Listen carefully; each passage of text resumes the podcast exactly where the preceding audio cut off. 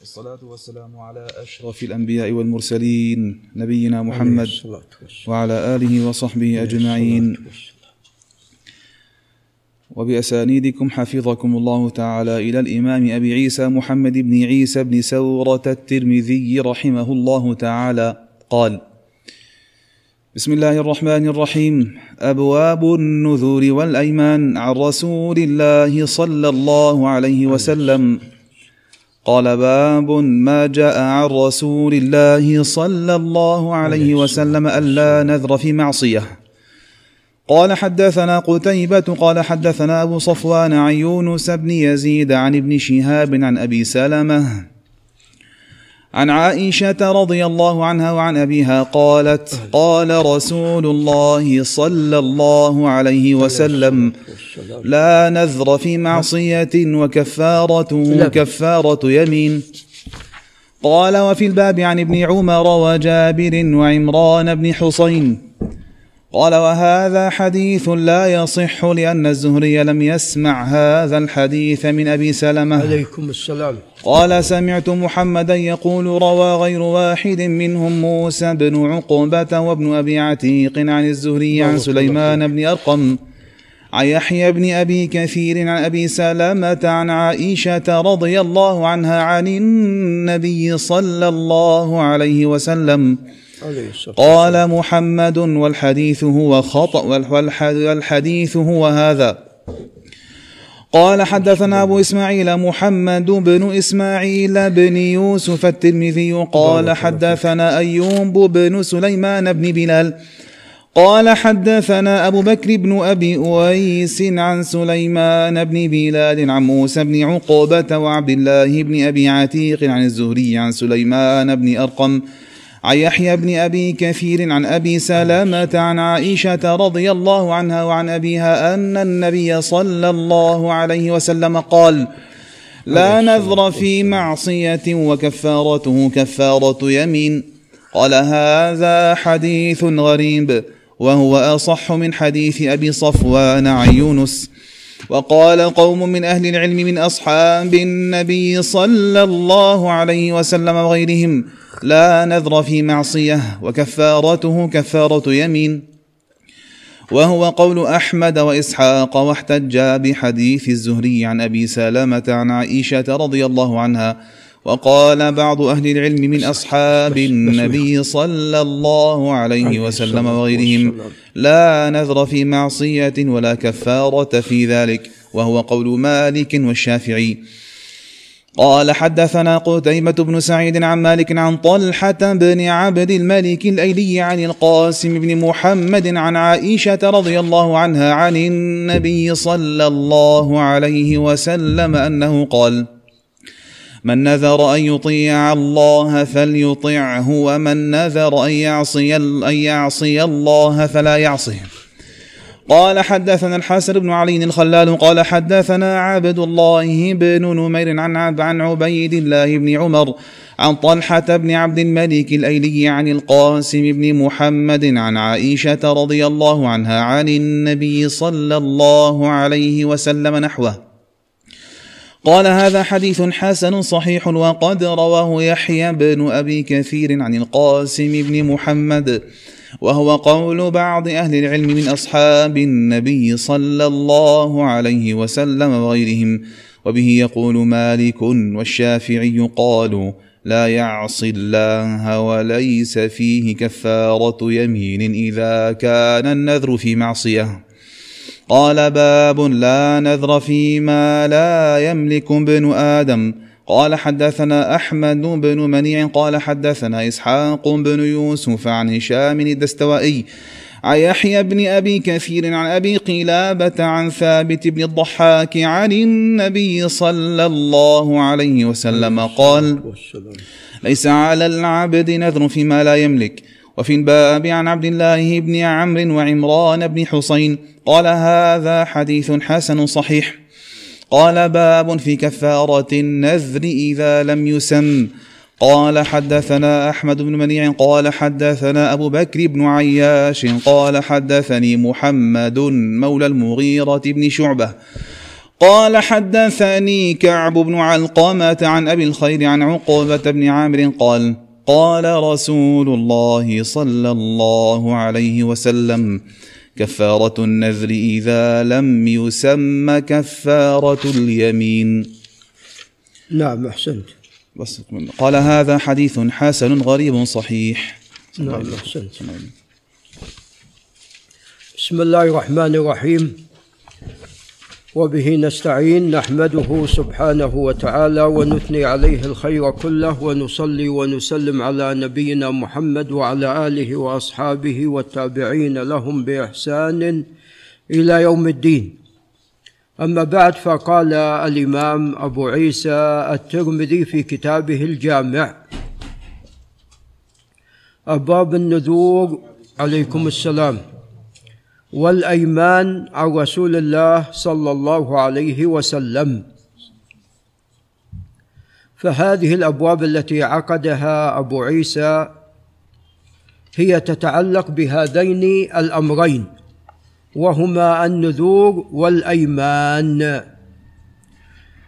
ولعلاقة بعضها بالبعض جمعت تحت أبواب أو تحت كتاب واحد لعلاقتها نعم بعضها بالبعض جمعت تحت كتاب واحد وبعض أهل العلم فرق ما بين الأيمان وما بين النذور. فعقد للأيمان كتابا وللنذور كتابا آخر. وهذا هو الأقرب لأن الأيمان عليكم السلام. لها أحكام. عليكم السلام. كما أن النذور لها أحكام تختص بها. النذور لها أحكام تختص بها والأيمان لها أحكام تختص بها. فكان الأولى التفريق بينهما. وإلا فإن جمعا من أصحاب المصنفات والكتب التي ألفت في السنن يجمعون بينهما. وبعضهم كما ذكرت فرق بينهما وهو الأقرب لأن النذور لها أحكام والأيمان لها أحكام. وهذه الأحكام لا شك أنها في غاية من الأهمية. فالإنسان محتاج أحيانا إلى أن ين... عفوا فالإنسان ينذر كثيرا ما ينذر فالإنسان لا أقول محتاج عفوا لا وإنما الإنسان كثيرا ما يقع في ذلك وهو في النذر فينذر شيئا عليه فما حكم ذلك؟ وخاصة أن هذه النذور أنواع متعددة. كما سوف يأتي بمشيئة الله كما أن الأيمان أيضا الإنسان محتاج إلى اليمين. لا نقول في النذور محتاج إليها لا وإنما في الأيمان. هو محتاج إليها لإثبات حق أو لنفي باطل. نعم. أو هناك قضية عليكم السلام فيستحلف الإنسان عليها. نعم عليكم السلام. وما شابه ذلك فلا شك أن الأيمان هي في غاية من الأهمية وهذه الأيمان آه، يتعلق إيمان يتعلق إيمان العبد بها. فمن أقسم بالله عز وجل ف ووفى وصدق فهذا دليل على إيمانه. ومن حلف بغير الله هذا ماذا؟ مشرك. ومن حلف بالله ولم يفي هذا دليل على ضعف إيمانه. نعم فالشريعة جاءت ببيان أحكام ما يتعلق بالنذور وما يتعلق بالأيمان. وبحمد الله الشريعة التي أنزلها الله جل وعلا على رسولنا عليه الصلاة والسلام عليكم السلام. شريعة كاملة تامة كل ما يحتاج إليه الإنسان فهو موجود في هذه الشريعة. ولا شك أن الرجوع إلى معرفة هذه الأحكام يكون بالرجوع إلى الكتاب والسنة.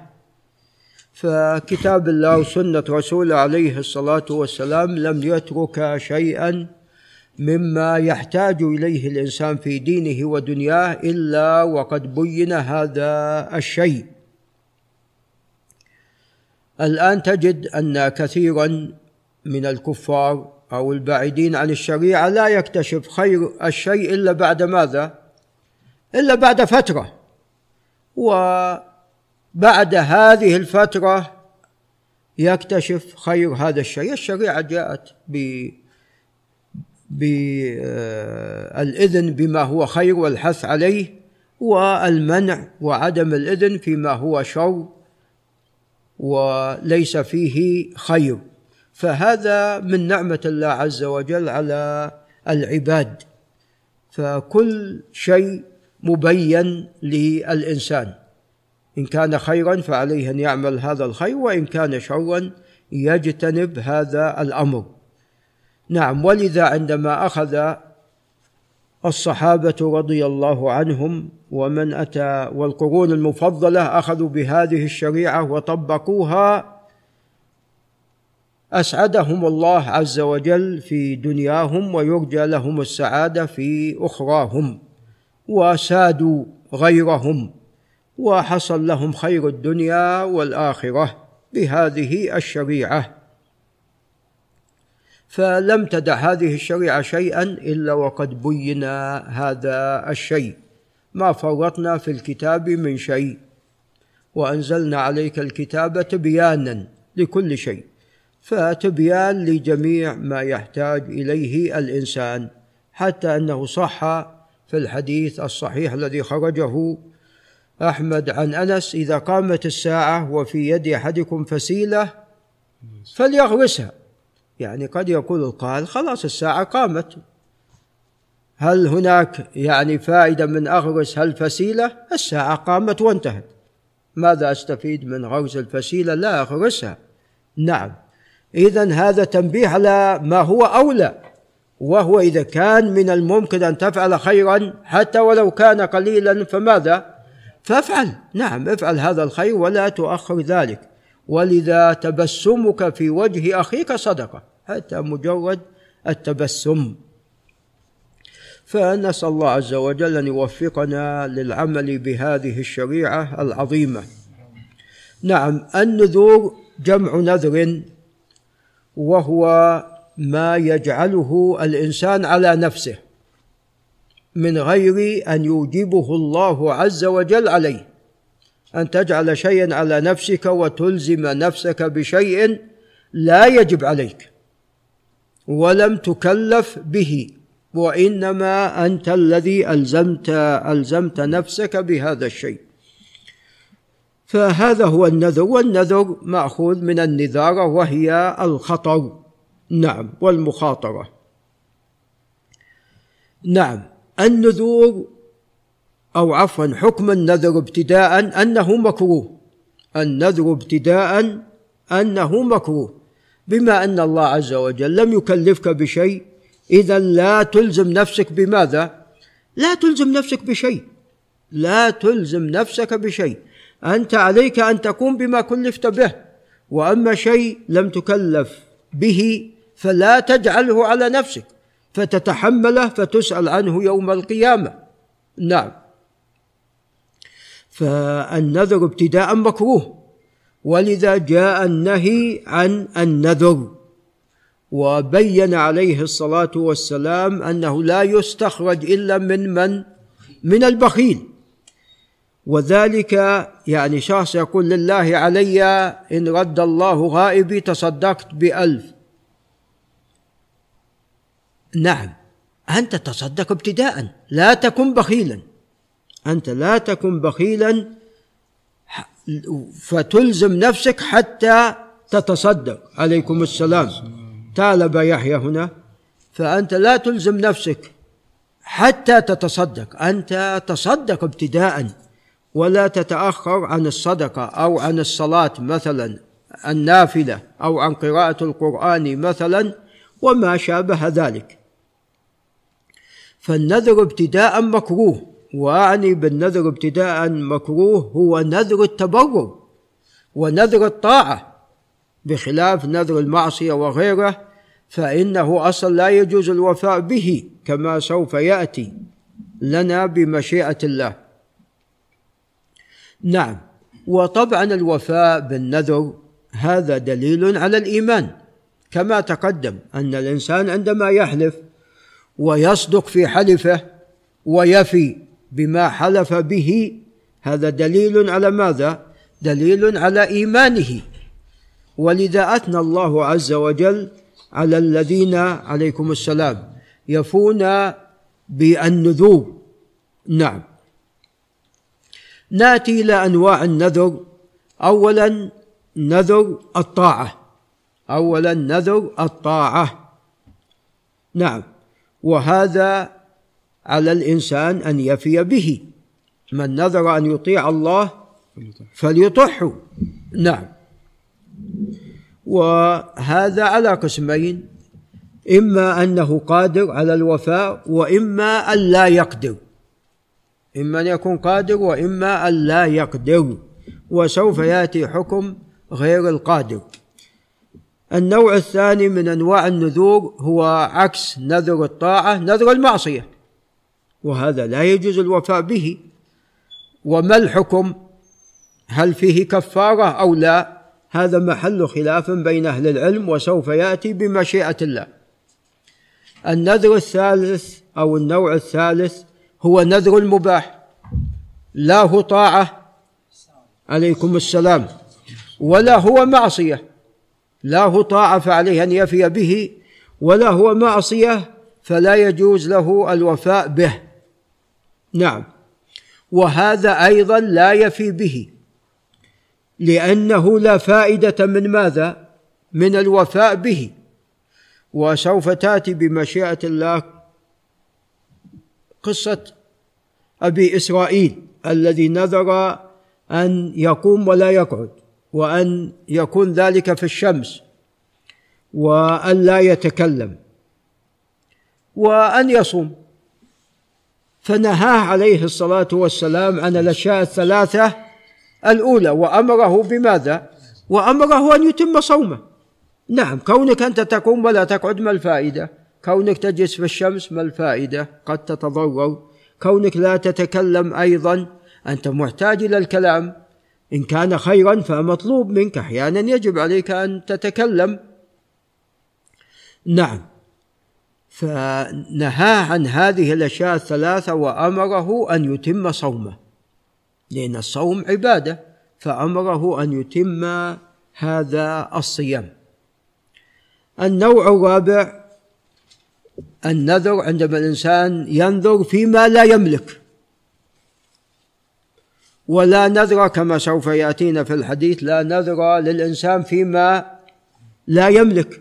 قد الإنسان ينذر نذرا على شيء هو لا يملكه كما وقع للمراه التي عندما نجاها الله عز وجل على ناقة الرسول صلى الله عليه وسلم أثناء هروبها من الكفار والمشركين نذرت انها إذا وصلت سالمه أن تذبحها فقال بئس ما جزيتيها عليكم السلام. الرسول عليه الصلاة والسلام قال لها يعني بئس ما جازيتيها. لابد تكرمينها في هذه الحالة ليس تذبحينها. ثم بين لها أنها لا تملك الناقة. نعم لا تملك الناقة. واحد قال أنا نذرت أني أتصدق من مال أبو يحيى بألف ريال. نعم مال أبو يحيى لأبي يحيى ليس لك أنت. نعم. فلا نذر للإنسان فيما لا يملك. هذا الرابع ولا كم؟ الخامس النذر الذي لم يسمى. لله علي نذر. ما هو هذا النذر؟ لم تسمي هذا النذر. ما هو هذا النذر؟ ما سميت هذا النذر. هذا أيضا نوع من أنواع النذور. ففي الحقيقة أن النذور متعددة وأنواع وهي ليست نوع واحد بل هي أنواع كثيرة. نعم. وكل ولكل نوع حكم. وذكرت أن في النوع الأول أحيانا الإنسان ينذر شيء طاعة ثم ماذا؟ يعجز عنه. يعني مثل ما قال كعب بن مالك لله علي أو قال من توبة لله أن أنخلع من مالي كله. فقال له عليه الصلاة والسلام أمسك بعض مالك. هو محتاج إذا انخلع من ماله كله ماذا سوف يفعل؟ راح يسأل الناس. فبدل لا تسأل الناس أمسك عليك بعض مالك. وهذا مثل ما ذكر عن عمر رضي الله عنه. كان هناك أخوان ولهم ميراث. لم يقسموه فطالب أحد الأخوين أخاه الآخر أن أن يقسم الميراث. قال إن سألتني مرة ثانية فمالي كله في في رتاج الكعبة رتاج الكعبة باب الكعبة. فقال له عمر إن الكعبة غنية عن مالك. نعم الكعبة غنية عن مالك. ماذا أنت تعطي مالك تضعه في الكعبة؟ ما الفائدة؟ نعم. فكما تقدم أن النذور أنواع متعددة وابتداء لا ينذر الإنسان وما أكثر من نذر ثم بعد ذلك أخذ يسوف في ماذا؟ في الوفاء وهذه امرأة قالت إن شفى الله ولدي أو أو ولد أختها أني أصوم كل كل سنة شهر صامت 12 سنة ثم بعد ذلك ماذا؟ نعم تعبت صعب عليها. كل سنة شهر كامل كل سنة شهر كامل. بدل ذلك تدعو الله عز وجل بأن يشفي ماذا؟ أن يشفي ولدها أن يتحقق مطلوبها أن يحصل لها مرادها أو أن يحصل للعبد مراده ومطلوبة بالدعاء. لا تنذر. النذر مكروه لا تنذر. وإنما عليك أن تدعو ربك أن ييسر لك هذا الأمر ويسهل لك هذا الشيء. نعم.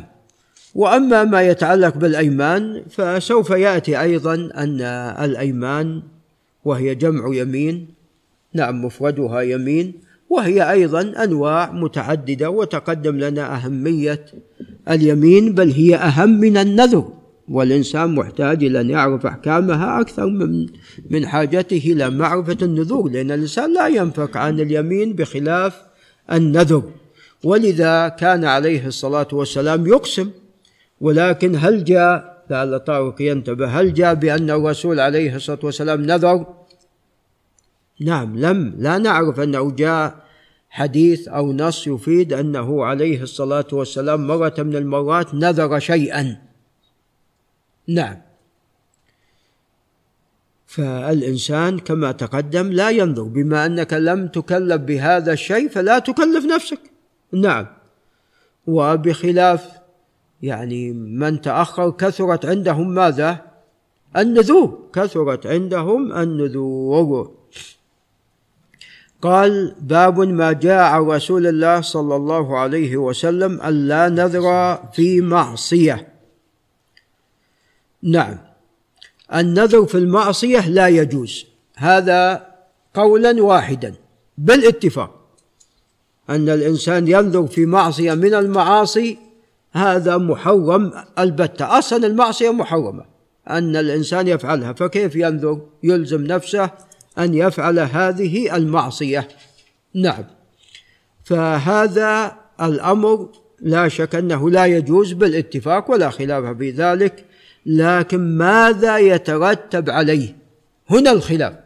عندما ينذر نذرا ما فيه معصية هذا لا يجوز نقول له هذا واحد. ثانيا ما الذي يترتب عليه هذا محل الخلاف بين أهل العلم؟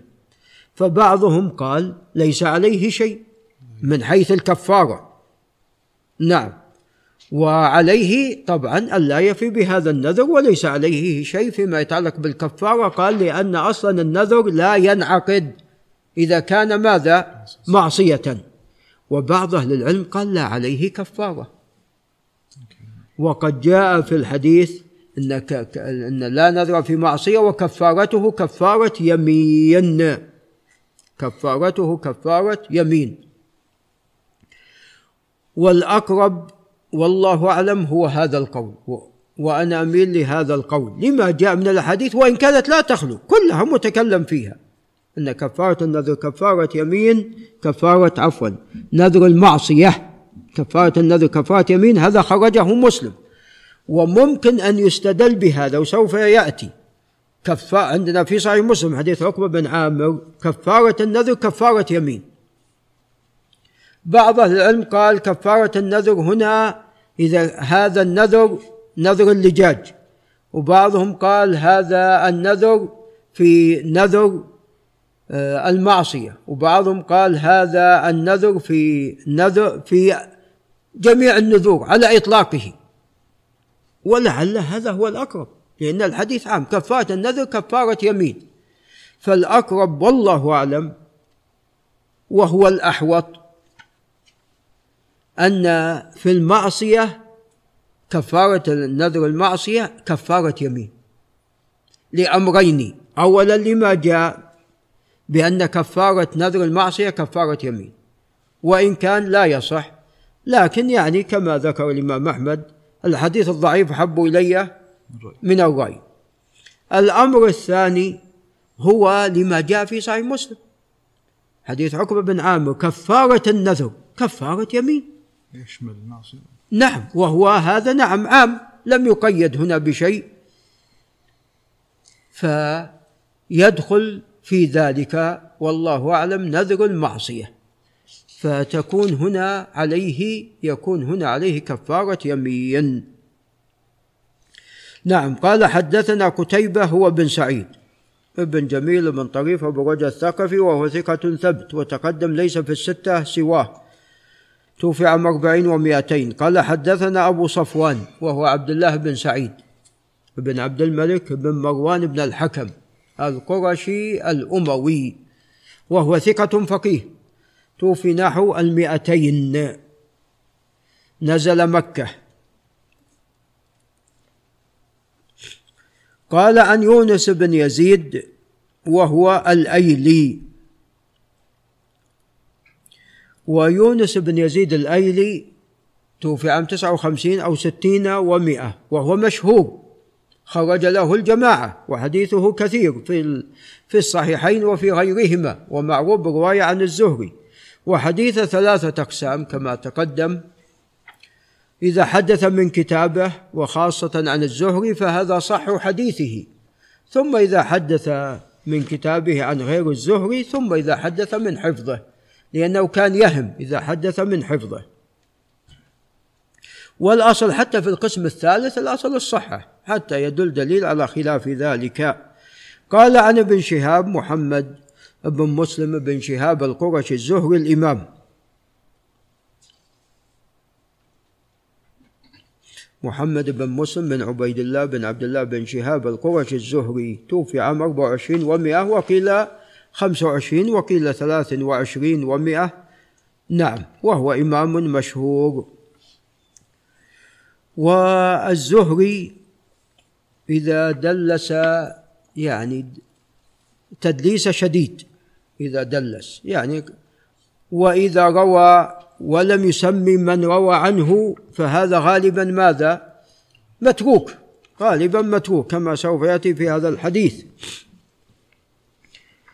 لكن لو روى عن شخص وسماه وعندما سماه وجدنا أن هذا الراوي ليس بالمشهور ما وجدنا إلا رواية الزهري عنه. هذه تقوية له. لأن الزهري إمام فعندما سمى هذا يكون قد ماذا؟ قد ارتضى. يكون قد ارتضى. فهذا تقوية له. ولذا بعض الحفاظ يستدل على توثيق الراوي برواية الزهري عنه وتسميته له. وكما أنه يستدل على ضعف الراوي ووهائه إذا لم يسمه. نعم. ومراسيله آه، ضعيفة. مراسيل الزهري ضعيفة لأنه أيضا مبنية على ما تقدم. لو كان أخذها المرسل عن شخص قوي كعروة بن الزبير أو سعيد بن المسيب كان سماه. نعم. فلذا مراسيلة ضعيفة.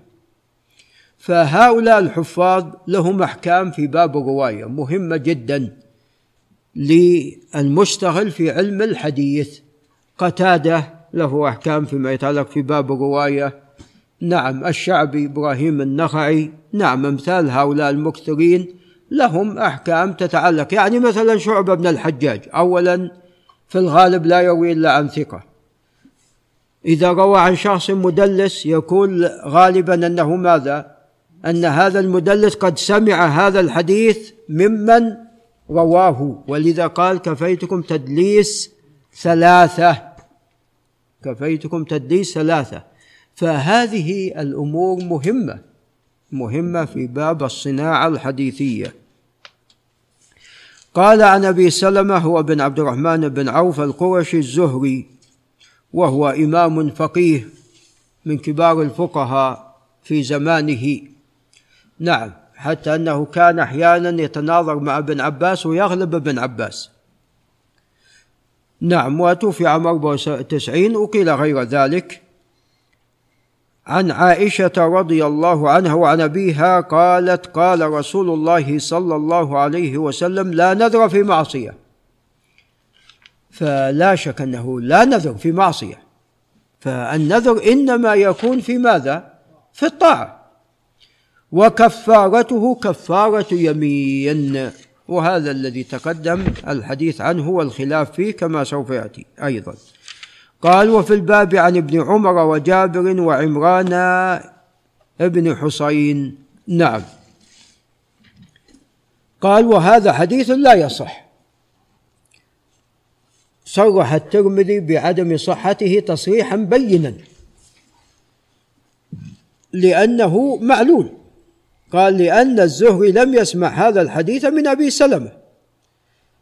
وإنما طبعا سمعه من سليمان بن أرقم كما سوف يأتي وهو متروك. قال سمعت محمدا يقول هو البخاري.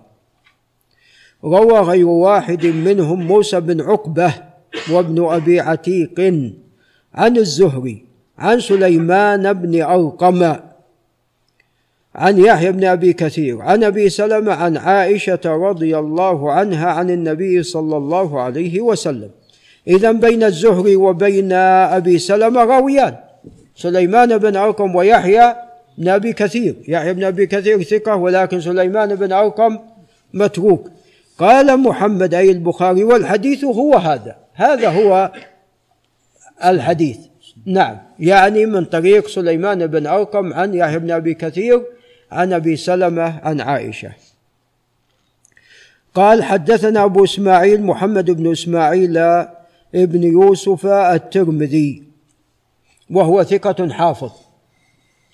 توفي سنة ثمانين ومائتين حتى أنه توفي بعد الترمذي صاحب الجامع. الترمذي روى عن ترامذة آخرين من بلاده ترمذ نعم. وانتقلوا إلى بلخ. أيضا الترمذي نعم جاءوا إلى بلخ وروى أيضا عن شيوخ بلخيين.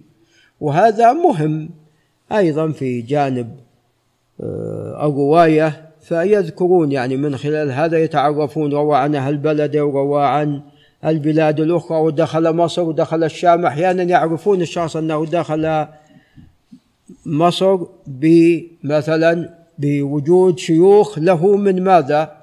من مصر وإن كان أحيانا ليس بلازم مثل الترمذي. الترمذي فيه خلاف. في مسألة يعني آه، دخوله إلى بغداد. فيه خلاف في دخوله إلى بغداد. الخطيب البغدادي لم يترجم له. وعند شيوخ جمع من شيوخ البغداديين ففيه خلاف في دخوله إلى بغداد. وقالوا لو دخل بغداد لروى عن الإمام أحمد. ففيه خلاف. فهذا فمعرفة شيوخ الراوي ومن أي بلد هذا شيء مهم. قال حدثنا أيوب بن سليمان بن بلال. وأيوب بن سليمان بن بلال هو القرشي. وهو ثقة. توفي سنة أربع وعشرين ومائتين. قال حدثنا أبو بكر ابن أبي أويس وأبو بكر هو عبد الحميد عبد الحميد بن عبد الله بن عبد الله بن أويس. نعم الأصبحي وهو ثقة توفي عام اثنين ومائتين. قال عن سليمان بن بلال وهذا يدل على أن أيوب ثقة. وإلا كان أسقط من؟ كان أسقط أبو بكر بن أبي أويس وذهب راسا. قال عن أبي. نعم. قال عن سل نعم. قال عن سليمان بن بلال وهو القرشي وهو ثقة جليل. خرج له الجماعة. قال عن موسى بن عقبة. وموسى بن عقبة هو الأسدي مولاهم. وهو عالم بالمغازي والسير نعم وأثني على علمه بذلك وأنه ثقة في باب المغازي والسير وهو من صغار التابعين. خرج له الجماعة. قال وعبد الله بن أبي عتيق. هذا الأقرب محمد بن عبد الله. حتى أبو يحيى عنده عبد الله بن أبي عتيق. نعم هو الذي ذكر أن أن سليمان بن بلال يروي عنه هو محمد بن عبد الله بن أبي عتيق. و... نعم. عندك محمد بن عبد الله؟ أي طبعة هذه؟ مم. نعم هو الصواب محمد بن عبد الله بن أبي عتيق لأن عبد الله بن أبي عتيق هذا تابعي من الثالثة لا يروي عن الزهري. وإنما الذي ذكر أنه يروي عن الزهري هو محمد بن عبد الله ولده. يعني في التحفة كما ذكرتم. نعم. يعني قال مثبت من التحفة. نعم.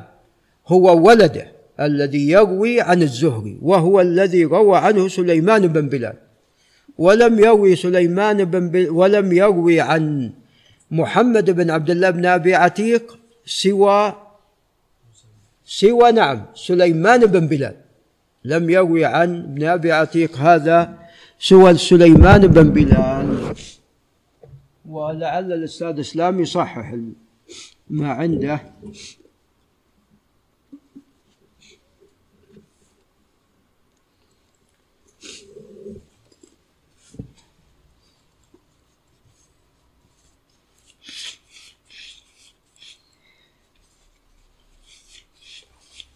فإذا هذا محمد بن عبد الله بن أبي عتيق. وعبد الله بن أبي عتيق هو عبد الله بن محمد ابن عبد الرحمن بن أبي بكر الصديق. فإذا يكون محمد بن عبد الله بن محمد ابن عبد الرحمن بن أبي بكر الصديق. ومحمد هذا قال الحافظ بن حجر مقبول. ولكن الذهلي وهو أعلم من ابن حجر ولا شك محمد بن يحيى الذهلي شيخ البخاري وله الزهريات. جمع حديث الزهري فقال عنه هو مع ابن أبي ذئب متقاربان في روايتهما عن الزهري. فقرنه بابن أبي ذئب هذا يدل على قوته بل قال عنه أنه مقارب الحديث وحسن الحديث. قال هو حسن الحديث كثير رواية مقارب الحديث. حسن الحديث كثير رواية مقارب الحديث أو نحو ذلك. وقد وثقه الدار قطني في سؤالات الحاكم. وثقه الدار قطني في سؤالات الحاكم. مع أنه لم يروي عنه سوى سليمان بن بلال. ولذا لولا يعني قالوا لولا أن سليمان روى عنه ولا كان ماذا؟ كان نعم يعني سقى كان لا يعرف حديثه. نعم مع أن الذهلي قال كثير الرواية. ولعل المقصود أنه سمع كثيرا ولكنه ماذا؟ لم يحدث. ولكنه لم يحدث. فالراجح أن مثله ثقة. يعني عندنا كلام الذهلي وكلام الدار قطني. قال كلاهما عن الزهري وقد تقدم محمد بن شهاب قال عن سليمان بن أرقم وهو البصري مولى الأنصار وهو متروك. قال ابن عبد البر عند جميعهم متروك. قال عن يحيى بن أبي كثير الطائي اليمامي وهو ثقة ثبت توفي عام 32 و100 قال عن أبي سلمة تقدم طبعا يحيى بن أبي كثير أنه يدلس تدليس الشيوخ مع أني لم أجد احدا وصف أو لا أعرف احدا وصفه بذلك. وصف بالتدليس والإرسال موصوف لكن تدليس الشيوخ لا أعرف أنه وصف بذلك ولكن وجدنا ما يدل على ماذا؟ على ذلك. ذكرنا أمثلة هنا مر علي نعم مثال مثالان ونعم يعني دل التدليس شديد. نعم. توفي عام 32 و100 قال عن أبي سلمة بن عبد الرحمن بن عوف عن عائشة رضي الله عنها أن النبي صلى الله عليه وسلم قال لا نذر في معصية وكفارته كفارة يمين. نعم. فهذا الخبر لا يصح. نعم. وكما تقدم جاءت أحاديث بهذا المعنى وإن كانت لا تخلو من كلام منها حديث ابن عباس عند ابن الجارود والبيهقي ولفظه النذر نذران فما كان لله فكفارته الوفاء نكتفي به وما كان للشيطان فلا وفاء فيه وعليه كفارة يمين ولكن هذا موقوف أو فيه ضعف.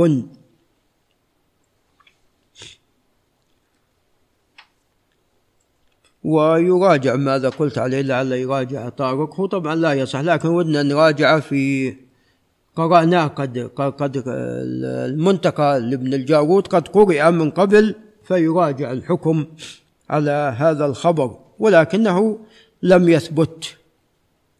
وحديث عمران بن حسين أيضا في الباب رواه النسائي أيضا هو ضعيف وليس بصحيح. قال هذا حديث غريب وهو صح من حديث أبي صفوان عن يونس. وفي بعض النسخ وأبو صفوان هو مكي واسمه عبد الله بن سعيد بن عبد الملك بن مروان وقد روى عنه الحميدي وغير واحد من اجله الحديث. وقال قوم من أهل العلم من أصحاب النبي صلى الله عليه وسلم وغيرهم لا نذر في معصية. هذا بالاتفاق. وكفارته كفارة يمين. فهذا ذهب إليه بعض الصحابة كما قال أبو عيسى وهذا يقوي ما تقدم فيضاف هذا إلى الأدلة. وأنه جاء ذلك عن الصحابة. قال وهو قول أحمد وإسحاق واحتج بحديث الزهري عن أبي سلمة عن عائشة. واحتجاجهم لا يعني صحة الخبر وإنما كما تقدم يعني قد قال الإمام أحمد الحديث ضعيف حب إلي من الرأي. وجاءت أحاديث بهذا المعنى كما تقدم. قال حدثنا قتيبة بن سعيد. تقدم هو الثقفي قال عن مالك هو الإمام مالك بن أنس بن أبي عامر الأصبحي. توفي عام 79 ومئة قال عن طلحة بن عبد الملك الأيلي نسبة إلى أيلة في فلسطين في خليج العقبة. نعم. وطلحة بن عبد الملك ثقة وقد خرج له البخاري وأصحاب السنن. قال عن القاسم بن محمد بن أبي بكر الصديق وهو إمام جليل وفقيه عالم. عائشة رضي الله عنها خالت عمته. نعم. وهو الذي يقول الزهري ما رأيت قرشيا أفضل منه. قال عن عائشة رضي الله عنها عن النبي صلى الله عليه وسلم قال من نذر أن يطيع الله فليطعه. فمن نذر طاعة الله عليه أن يطيع وأن يفي بنذره. إلا إذا يعني كان لا يطيق أو شق ذلك عليه فكفارته كفارة يمين. نعم هذا هو الأقرب وجاء هذا في حديث عقبة بن عامر الذي سوف يأتي بإذن الله. ومن نذر أن يعصي الله فلا يعصه. فمعصية الله لا تجوز ولا ينعقد هذا النذر ولكن عليه كفارة يمين لما تقدم للأمور الثلاثة التي تقدم ذكرها. أولا الحديث كفارة النذر كفارة يمين وهذا خرجه مسلم.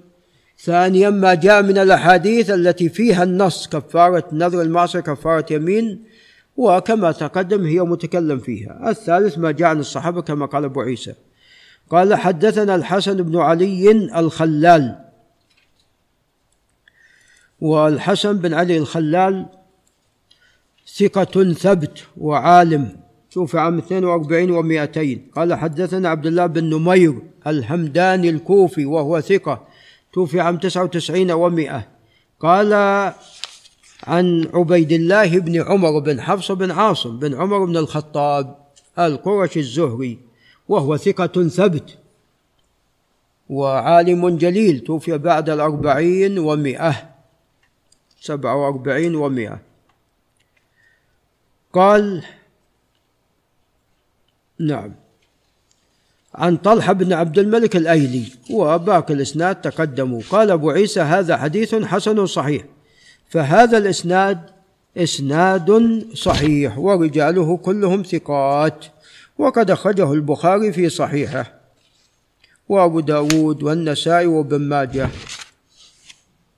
قال وهو قول بعض أهل العلم من أصحاب النبي صلى الله عليه وسلم وغيرهم وبه يقول مالك والشافعي قالوا لا يعصي الله وليس فيه كفارة يمين إذا كان النذر في معصية فهذا القول الآخر أن ليس عليه شيء فيما يتعلق بالكفارة لا فيما يتعلق بالكفارة كفارة المعصية كفارة نذر المعصية كما تقدم نذر المعصية هذا لا يجوز أصلا لكن هل عليه كفارة أم لا؟ هنا الخلاف. وقول مالك والشافعي يقولون لا كفارة عليه والأقرب عليه الكفارة لما تقدم وهو أحوط. قال باب لا نذر فيما لا يملك ابن آدم. وتقدم أن هذا نوع من أنواع النذر. فالشيء الذي لا تملكه لا ليس لك نذر فيه. كيف تنذر هذا الشيء وأنت لا تملكه؟ نعم. ولا نعم. وهذا نعم. الأمر فيه واضح. ولا خلاف في ذلك. وإنما الخلاف ماذا عليه؟ ماذا يترتب عليه من الكفارة؟ والأقرب يقال فيه كما تقدم في المعصية إن عليه كفارة يمين. عليه كفارة يمين. نعم. لأن هذا قريب من المعصية. الشيء الذي لا تملكه ليس لك سبيل عليه أو في التصرف فيه. نعم. ولو تصرفت فيه ارتكبت محرم. لأن شيء ما تملكه أنت كيف التصرف فيه؟ نعم. فنعم عليه والله أعلم كفارة وسوف يأتينا في حديث عقبة بن عامر كفارة النذر كفارة يمين. فهذا نذر فكفارته كفارة يمين. إي نعم. لا لا نذر فيما لا نذر فيما لا تملك. نعم. والله قال هو عليه الصلاة والسلام في الحديث الآخر كفارة النذر كفارة يمين. فأنت قد نذرت ولكن شيء لا تملكه وتقدم أن هذا أقرب إلى أن يدخل في كف في نذر المعصية ونذر المعصية عليه كفارة يمين. نعم. قال حدثنا أحمد بن منيع وهو البغوي من الحفاظ ثقة حافظ توفي عام 44 و200 قال حدثنا إسحاق بن يوسف وهو بن مرداس المخزومي المعروف بالأزرق. نعم.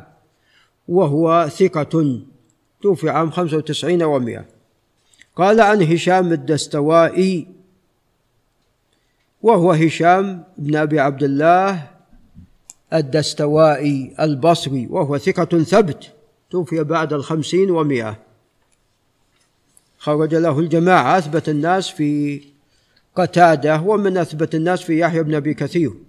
قال عن يحيى بن أبي كثير تقدم قال عن أبي قلابة وهو عبد الله بن زيد الجرمي البصري وهو أيضا ثقة من العلماء. توفي بعد المئة خرج له الجماعة.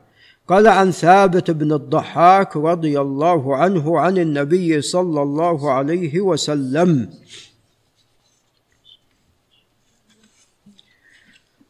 قال ليس على العبد نذر فيما لا يملك. نعم. ليس عليه نذر فيما لا يملك أي الوفاء به. والله أعلم. أي الوفاء به. لأنك أنت ما تملك كيف تفي به؟ إلا بالاعتداء على أملاك الغير وكما تقدم كون عليه كفارة هذا ماذا؟ أحوط. أحوط في إبراء الذمة. قال وفي الباب عن عبد الله بن عمرو وعمران بن حسين قال هذا حديث حسن صحيح. نعم رجاله كلهم ثقات. وإسناده متصل وقد أخرجه الشيخان أيضا.